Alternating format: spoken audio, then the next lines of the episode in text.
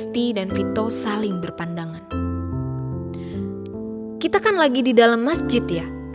Mana mungkin coba tiba-tiba ada makhluk gaib yang iseng gentayangan. Ini kan tempat yang banyak disebut asma Allah. Gak mungkin rasanya.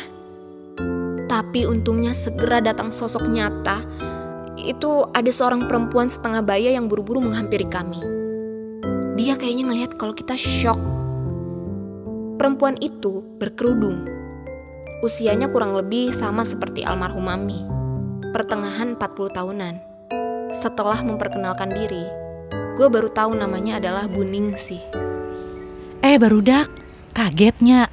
Ruas, maafnya. Itu tadi teh saudara ibu. Namanya Teh Lucy. Beliau teh kurang normal. Secara kejiwaan kurang sehat.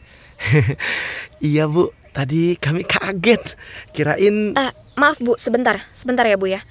Tadi ibu bilang itu namanya Teh Lucy. Iya Neng, kalau ibu teh bilangnya Teh Lucy. Karena kan kita seumuran. Kalian panggilnya Ibu Lucy ya. Ibu Lucy? Iya, Neng. Bu Lucy yang anaknya Pak Bandi kan, Bu? Yang dulu rumahnya di samping masjid ini? Iya. Loh kok si Neng tahu sih? ya, Bu, bentar. eh, Vito, Risti. Berarti itu Lucy yang sering disebut-sebut mami gue dalam buku diarinya kali ya? Saha, Neng? Mami? Mami nasaha, Neng? Ah, mami saya, Bu. Mami Eneng. Lah, maminya Eneng teh saha? Ah, uh, jadi gini bu, mami saya nih, yang sebenarnya itu adalah mami tiri saya. Namanya Asna Pratiwi. Sebulan lalu mami itu udah meninggal karena kecelakaan. Tapi dalam diarinya mami sering menyebut nama sahabat masa lalunya. Nah, namanya itu Lucy, Bu. Jadi, maksud kedatangan kami ke kampung ini itu untuk mencari Ibu Lucy. Siapa tahu Ibu Lucy bisa kasih informasi tentang ibu kandung saya. Soalnya kan dulu Ibu Lucy sahabatnya mami saya waktu muda. Hah? Jadi Neng Tusi ini teh anak tirinya Asna? Asna Pratiwi yang istrina Handoko? Yang tinggalnya di Jakarta? Allahu Akbar, Masya Allah. Loh, Ibu kenal mami dan papi saya? Ya kenal atuh Neng. Mereka mah dulu orang kampung sini juga. Oh, Berarti Bu Ningsi tahu juga dong siapa ibu kandung saya yang sebenarnya. Uh, uh, iya Neng, ibu tahu. Um, kalau gitu kita ngobrol di sebelah aja yuk Neng yuk. Bu Ningsi menggiring kami bertiga ke bangunan yang ada di samping masjid. Tepatnya ke rumah keluarga almarhum Pak Bandi yang ternyata sekarang udah berubah fungsi jadi tempat perawatan orang sakit jiwa. Dan ternyata di sanalah Lucy atau yang sekarang gue sebut Ibu Lucy itu tinggal bersama beberapa pasien gangguan jiwa lain dan para pengurusnya. Bu Ningsih adalah salah satu orang yang membantu di sana sebagai pengurus. Dan pagi menjelang siang hari tersebut, melalui perkataan Ibu Ningsih, sebuah informasi yang langsung berhasil memporak-porandakan mental gue, gue terima. Ceritanya teh panjang, tapi singkatnya Neng Tusi teh diselamatkan sama Asna. Dijadiin anaknya melalui pernikahan Handoko. Padahal sebenarnya kalau mau jujur, Asna juga nggak mau nikah sama Handoko teh. Cuman demi Neng aja. Hah?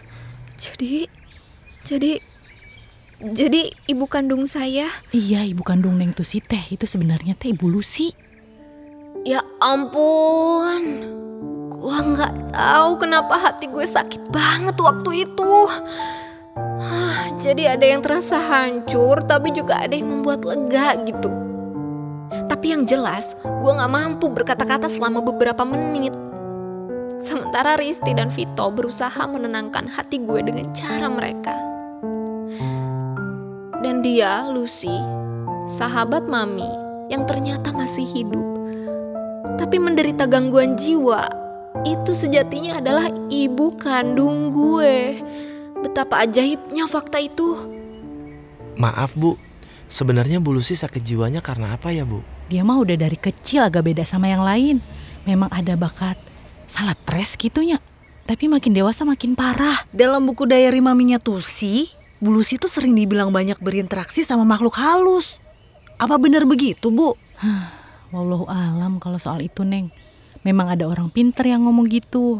Tapi kalau ibu mah di sini mikirnya sesuai ilmu pengetahuan kedokteran jiwa aja. Kata Pak Dokter, sakitnya Teh Lucy teh disebut skizofrenia. Em, tapi Ibu Lucy masih bisa beraktivitas normal kan Bu? Kadang-kadang waktu masih gadis masih kayak orang normal. Cuman pikiran nawe rada kaganggu. Tapi setelah nikah sama punya anak, ternyata makin parah. Kalau sekarang mah harus diawasi terus.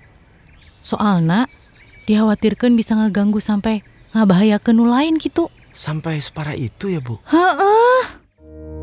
Pandangan gua mulai berkunang-kunang rasanya. Ah, kepala gua pening banget. Dunia terasa berputar dan makin lama makin kencang putarannya. Lalu mulai menghilang. Ya Allah, astagfirullah. Tusi! Tusi, Neng. Tusi! Neng Tusi kenapa? Neng? Neng? Dan gua pun pingsan.